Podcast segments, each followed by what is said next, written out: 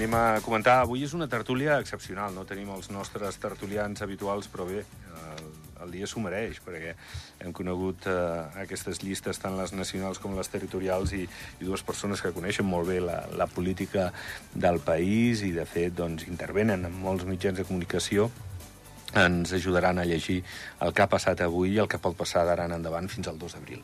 Un és l'Ivan Lara. Ivan, bon vespre. Hola, bon, bon, bon vespre, Jordi. Gràcies per estar avui aquí. A vosaltres. I a més sé que estàs molt enfeinat.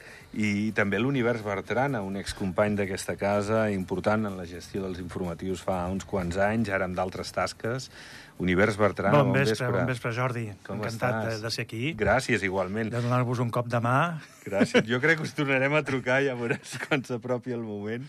Uh, va, Ivan i Univers, i Ivan mateix que t'he presentat en primer terme, jo crec que hi havia unes expectatives que no s'han acabat de complir en quant a llistes nacionals, el nombre igual s'ha quedat curt, en 6, i hi ha una baixa molt, molt notable, i, i després 20 llistes territorials, que em sembla que és bastant proporcional i tampoc la bestiesa que podia haver estat. No sé, és la meva lectura, però lògicament la meva importa poc, eh, m'importa la vostra. Us importa pels debats que haureu d'organitzar, que suposo bueno. que us facilitarà una miqueta la vida, no? Suposo Sí. que heu respirat una mica alleujats. També, veure objectivament, també La quantitat de llistes, cert, no? sí. Bé, el, jo crec que al final el sistema té un, té un, té un límit que, que s'autoregula perquè, no, perquè anar més enllà... És dir, anar, com en algun moment s'havia parlat de nou llistes, o s'ha- s'havia parlat i, i realment està sobre la taula la possibilitat eh, d'arribar a nou llistes nacionals o d'arribar a cinc llistes per parròquia que no ho hem tingut mai, sempre hem tingut el, el llindar màxim de, de 4. Mm, crec que al final el sistema mateix eh, s'autoregula en certa manera i fa que no, no, no passem d'aquests límits que realment tampoc no tindrien massa sentit per la, per la quantitat de població que tenim. I per tant crec que les últimes eleccions vam arribar a un límit de 7 que vam poder veure que no aportava gran cosa, una, quan, sobretot quan no hi ha molta distància entre algunes de les, de les, de les propostes que es fan i, i una d'elles va acabar tenint uns 80 vots, si no m'equivoco, eh, i per tant ara estem en la, en la mateixa situació, amb unes sis llistes potser amb, amb, més, amb més pes o més sòlides que les de les eleccions passades, les, les sis que hi ha sobre la taula, o més consolidades, o almenys amb, amb, amb més força de partida, crec, i per tant potser això fa que tinguem sis llistes però que pugui haver-hi un debat interessant entre les sis. Evidentment la, la mancança principal és la d'Unió Lauretiana, que després suposo que, Ara ho comentarem. Tercera via, sí, sí, és un moment complicat per, per un partit ja amb molts anys al país. És que si s'hagués presentat de Unió vista- Laurediana i Tercera Via, a Sant Julià haurien estat a 5 llistes. Sí, sí. 5 llistes que és un, una passada. És, Per una són població de moltes una 1.400 població com la de electors, no sé quants té Sant Julià. No vull dir que me n'alegri, eh, no, No, no, no. no. petició, però en el sentit de que realment trobo que hi ha moltes, tot i que n'hi ha menys que en altres ocasions, hi ha,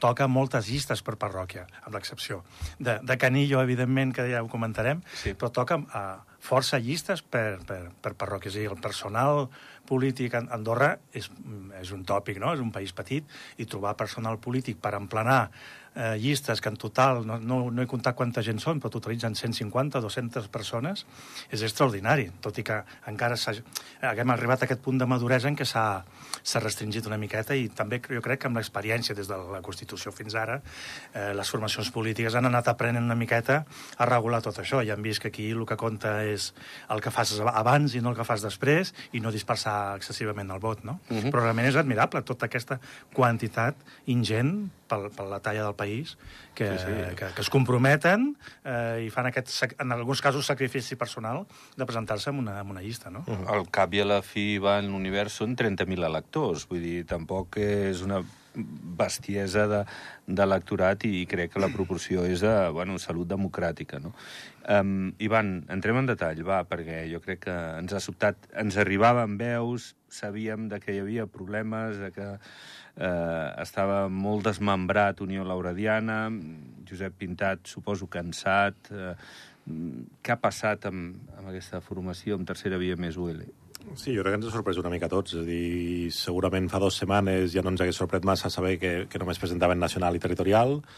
Fa uns dies no ens hagués sorprès massa saber que només presentaven a Sant Julià, però jo crec que ahir a la nit, quan vam saber que no es presentaven ni tan sols a la territorial de Sant Julià, va ser, va ser realment la bomba d'aquesta jornada que, que es juga en mitges eleccions, eh, amb, amb la presentació de les llistes. Què ha passat? Eh, el que semblaria és això, vull dir, al final... Jo crec que estàvem molt acostumats aquí al país fins fa potser uns, uns sis anys a presentar les llistes molt a última hora. I ara, des de les últimes eleccions passades, hem fet fins i tot aquest ritual no? de fer els congressos el diumenge al vespre, que ens fa una mica més, més normalitzats, una mica més, més moderns en aquest sentit. I jo crec que amb la jugada de PS i SDP, el primer pacte, mm, això va, va, va, va forçar que des de l'altra banda haguessin de buscar aliances i crec que aquí Tercera Via es va, es va quedar descol·locada. Un cop eh, Liberals, en canvi, es va oferir i es va posar bé per poder pactar jo crec que la cúpula del partit va pensar que controlaria aquest procés i crec que la militància l'ha anat per una altra banda i, i, i pesos pesants de la, de, la, de la formació també. I crec que al final, a l'última hora, quan han volgut tenir força per anar-hi sols, s'han trobat que, que, no eren prou. que per la nacional segurament no tenien força per fer, no sé ni si per fer alguna cosa amb cara i ulls o ni tan sols per fer alguna cosa, i a la territorial de Sant Julià crec que amb la desbandada que poden haver tingut cap a liberals, pactant amb DA, a més a més, han pogut veure que podien perdre aquella batalla i que això els hi comprometés de cara al desembre i han preferit fer una retirada que no, que no jugar aquest joc. Univers. Sí, és l'únic que se'm passa pel cap. Jo també penso que pot haver una miqueta, de extens, movi... però- una miqueta de moviment tàctic en el sentit de que també estan pensant en clau de les properes comunals. Però Majoral es que queda molt sol. Era molt... Sí, però potser ells han fet els seus càlculs i potser han... Potser dic, eh? No ho sé, jo no... no Però lògicament no, que- no hi no, som allà, no? però això- Han fet els seus càlculs i la seva tàctica potser ha estat precisament de no perdre més plomes de les que havien de perdre i reservar-se per les comunals. Sí, molt bé, però val, has de prendre decisions. Ja han pres aquesta. Sí, sí. Veurem, el temps Evidentment, ens dirà si molt bo no encertada. Exacte, però és que què passa si demòcrates i liberals arrasen? Clar, sí, sí, sí. es plantegen ja les comunals del desembre com aire fresc a la parròquia. És que, clar, Llavors el es, es tacticisme recompondria, polític és es delicat. recompondria el, el joc de forces de Sant Julià s'hauria de recompondre. Sí. És el que s'ha de veure. També hi ha un moviment tàctic, potser, de no deixar massa aire a les esquerres, entre cometes, és a dir, al final, eh, en retirant-se Unió Laurediana, dona una miqueta més d'aire als partits afins. Bueno, veurem, perquè al final segur que a poc o molt això tindrà a veure amb el que pugui passar al desembre. Sí, sí, al desembre segur. El que passa és que jo crec que Tercera Via està fent una... Al final estan fent una política comunal molt centrada en Sant Julià i jo crec que potser ara eh, posar-se a jugar al joc nacional quan no tens prou forces crec que potser els hi podia fer perdre el sentit del que han estat fent al comú aquests quatre anys, aquests tres anys escaig i per tant jo crec que va per aquí la cosa de preservar-se potser de, Més d'acceder a coses. De, de les forces, de, de la ideologia, si és que hi ha una ideologia més o menys clara de, dels partits del país. Eh, sembla que bueno, pot sumar molt demòcrates amb, amb liberals, no? que, que segurament ha estat una aliança entre Espot i Cabanes molt, molt forta i que, a més, de regal, un que podia ser mm, prenedor de vots cap a ells, com podia ser Josep Pintat, per, aquesta ideologia, eh, surt de l'equació. Sí. A veure, des del punt de vista eh, estrictament extern, com, com a Sí, un elector qualsevol, de eh? la vida diària, Eh, de la política del país. Mm, eh, mm, és una miqueta el que ha fet DA, aquests pactes de, de geometria variable entre liberals i, i acció. Eh, lògicament, des del seu punt de vista estratègic, eh, és una, ha estat una bona operació, perquè una miqueta han guardat el, els mobles, no? Però, des del punt de vista de l'electorat, tinc la curiositat de saber si ho entendran, això. És a dir, que, que el Partit Liberal vagi amb demòcrates en aquesta parròquia i en aquesta no, que a Escaldes sigui amb acció, que, però que Acció i, i Liberals tinguin pro, llista pròpia i doncs competidora a la nacional. Tinc, és una de les claus interessants de, de, la, de, la, de la nit electoral que tindrem d'aquí unes Una quantes setmanes. setmana. De veure si això ha estat, ha estat intel·ligible o no. És a dir, evidentment, des del punt de vista estratègic de DA, segurament ha estat correctíssim el que han fet. És a dir, han, han, han, han jugat les seves cartes el millor possible. Mm, Amb, bueno, tinc curiositat de saber si l'electorat ho, ho, ho entendrà o no. A, a, mi, jo el que em costaria entendre és que no ens plantegéssim un canvi de sistema electoral vistos Sí, des, clar, clar, des de les últimes eleccions. clar. perquè al final, fa quatre anys va haver-hi tota la història d'acord Clar, que, es va, que es va allò criticar es va molt, entendre com a, com a dir anem contra demòcrates. o un pacte tàctic, però al final no tenen un pacte després, com, com bé vam veure, de, de compromís de- de- d'investidura ni de res que anés més enllà. Per tant, era un pacte tàctic de dir, si sumem, el sistema electoral fa que si sumem al final ens hem d'imaginar que, que un sistema electoral és com un joc de taula, no? I aleshores tu doncs, t'alies amb un altre al jugar al Monopoli o qualsevol altra cosa. PS i, i liberals en aquell moment ho van entendre d'aquella manera I allò que es va criticar molt, ara DA, en certa manera, ha fet exactament el mateix. Ha jugat amb... perquè al final tots estan més o menys propers. Vull dir, tampoc no era tan antinatura per mi PS i liberals, perquè socialistes i liberals en d'altres països del món, els liberals, diguéssim, europeus, comparteixen una part del, del, de, de, dels programes, normalment. Aquí tenim el, el mateix, un pacte tàctic. Si ara ens hem de posar a jugar pactes tàctics a cada elecció, potser el que ens haurem de plantejar és que ningú se sent massa còmode amb aquest sistema electoral, com una cosa per deixar sobre la taula. I, i pel que fa al que deia l'univers, eh, jo estic molt d'acord amb el que deia, i jo crec que una de les incògnites, una de les coses que, que jo crec que no... que seria millor saber és quin tipus de pacte han fet, perquè sembla que amb liberal sigui un pacte que va més enllà d'aquest pacte tàctic i que poden anar cap a la investidura i cap a una governança. Amb acció no sabem quina mena de pacte hi ha, si es limita a un pacte tàctic o si també va més enllà, és a dir, si després, per posar pel cas, eh, a escales en any cadascú s'anirà a un grup parlamentari diferent, si es fusionaran, si tindran un programa conjunt, això és... és, és, és Incògnita, ara, no? Bueno, jo crec que, que despista encara més a l'electorat el fet de no saber, a més a més, quin tipus de pacte és, què implica cadascun dels mm. pactes. Mm -hmm. Suposo que en la campanya electoral algú forçarà que es es declarin una miqueta més i que, més clar, que es no? Uh, hi ha un altre aspecte... Bueno, s'ha parlat de que els liberals tindrien quatre ministeris, que, que és d'on venim. Vull dir que, que millor l'acord és beneficiós, potser més per liberals que per els taronja, però, però hem vist que la governabilitat no s'ha posat en dubte. En aquests quatre anys hi ha hagut una pandèmia pel mig, eh, qüestions econòmiques complicades, però, però ha funcionat. Vull dir sí, que, sí. que al final va ser un pacte que els liberals la, la van encertar, jo, jo crec, no? perquè va tenir molt rèdit a nivell ministerial i de presència al govern de coalició veurem. Sí, i jo crec que com a país també està bé que haguem tingut una primera experiència de govern de coalició que hagi funcionat bé, a nivell de... Sí, sí. No, no parlo de les polítiques, eh, sinó a nivell sí, sí. de funcionament de govern, crec que també és una experiència bona que acumulem. Bé, eh, jo no sé si tàcticament Demòcrates ha, ha marcat el terreny, jo crec que el va marcar abans PS i SDP, jo crec que va ser el primer impacte de dir, ei, que això ja va en sèrio i que estem començant quan, quan es van col·lidir, però, però la figura de Conxita Marsol no la fiquem, com semblava, a la llista nacional de dos, la deixem a la territorial d'Andorra la Vella per fer potent la, la llista contra PS i SDP. Veieu que és aquesta eh, una mica la, la tàctica que ha buscat Demòcrates, intentar contrarrestar amb el millor que tenia la parròquia eh, davant, se suposa, la, la pujada del vot de, de PS i SDP a, a la capital.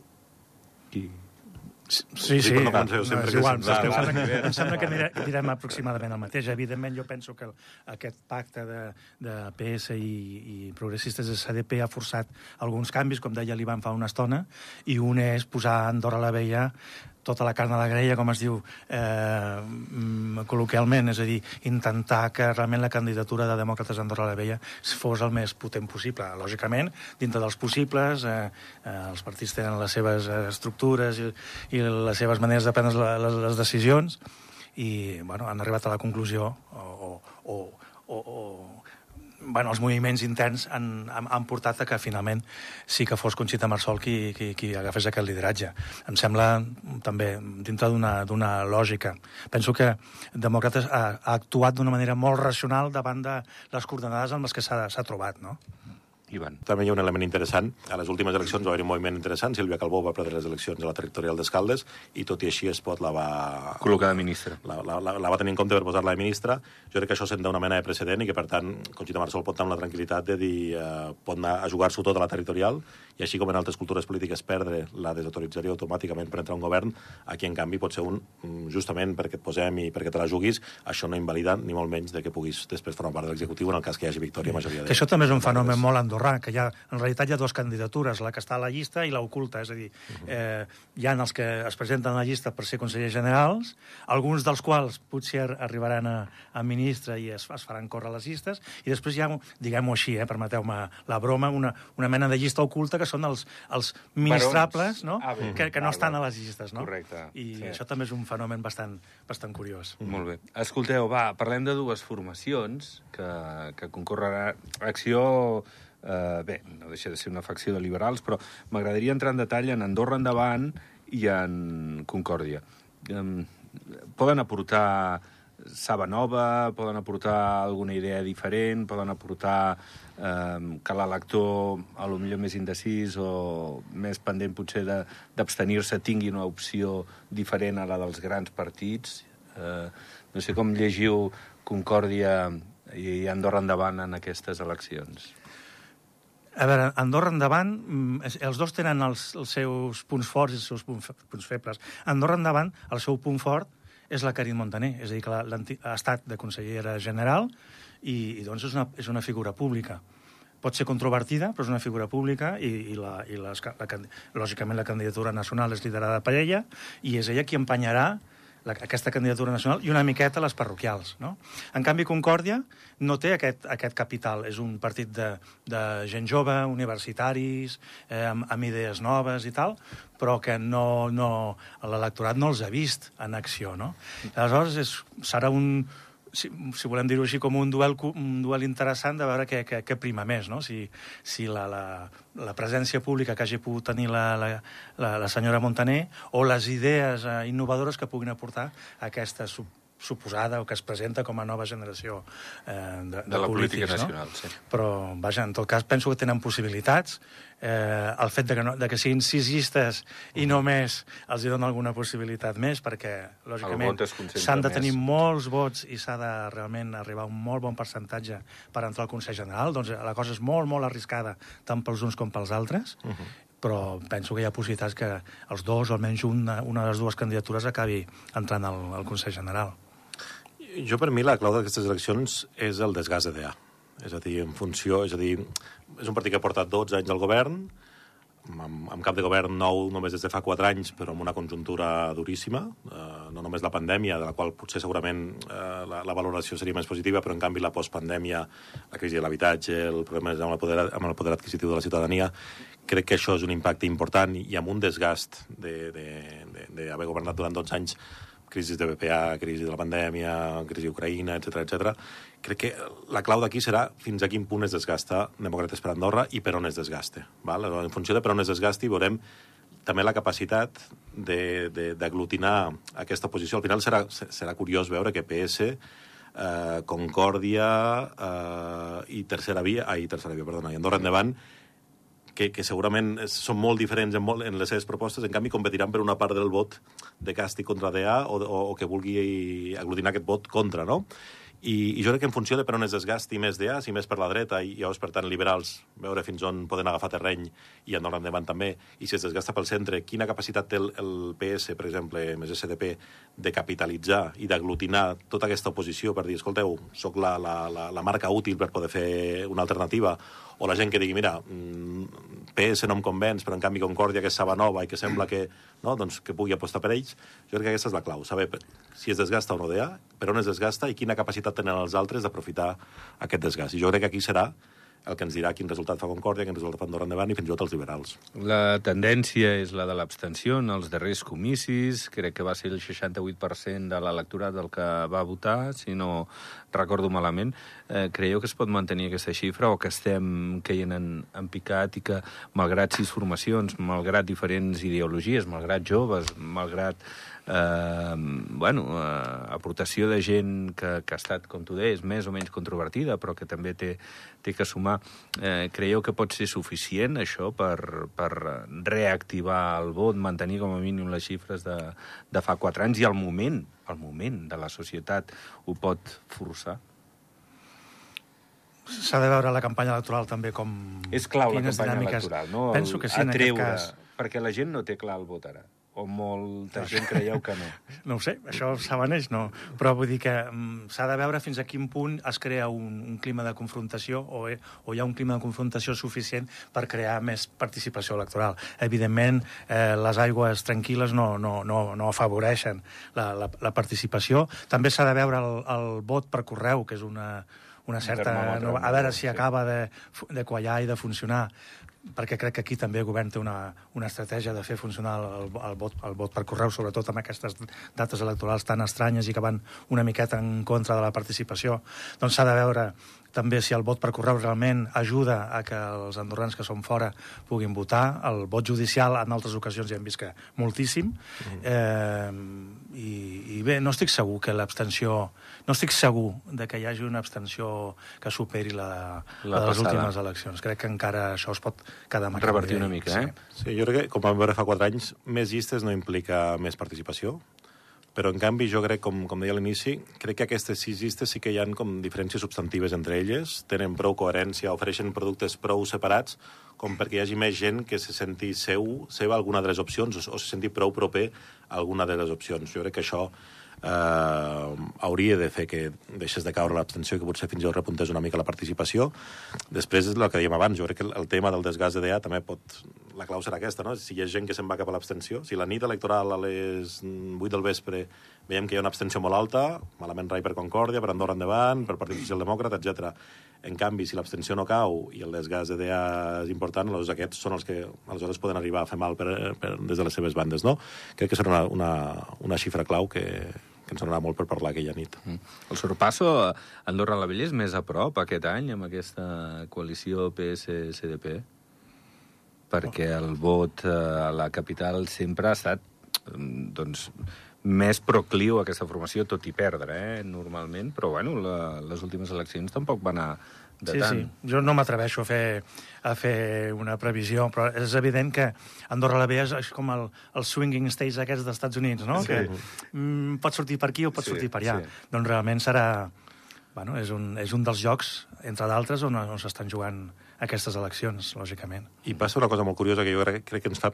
Ja fer sumes, en general, no funciona mai, però crec que en aquesta sobre ens passa alguna cosa molt curiosa, que jo crec que PS i DA tenen uns vots consolidats, però pensem que SDP anava va anar amb liberal, ahir va anar amb, amb demòcrates, a les últimes comunals, Sí. i que liberals va anar amb, amb el PS Sí, a les sí. últimes generals, diguéssim, i aquests ara són els que canvien. En funció de la força que tinguin els uns i els altres, crec que serà interessant de veure. Els liberals d'Andorra la Vella tenen una, una força crec que no és menys preable, que per tant s'ha de tenir en compte, i SDP va fer un resultat absolutament extraordinari fa 4 anys, va fer 691 vots, quan era una llista que, que a nivell nacional en va fer pocs més, i per tant hem de veure si, si, si la força que va tenir aquest partit li dona prou força al PS per fer el sorpasso, però jo crec que la cosa estarà realment molt, molt, molt, molt frec a frec.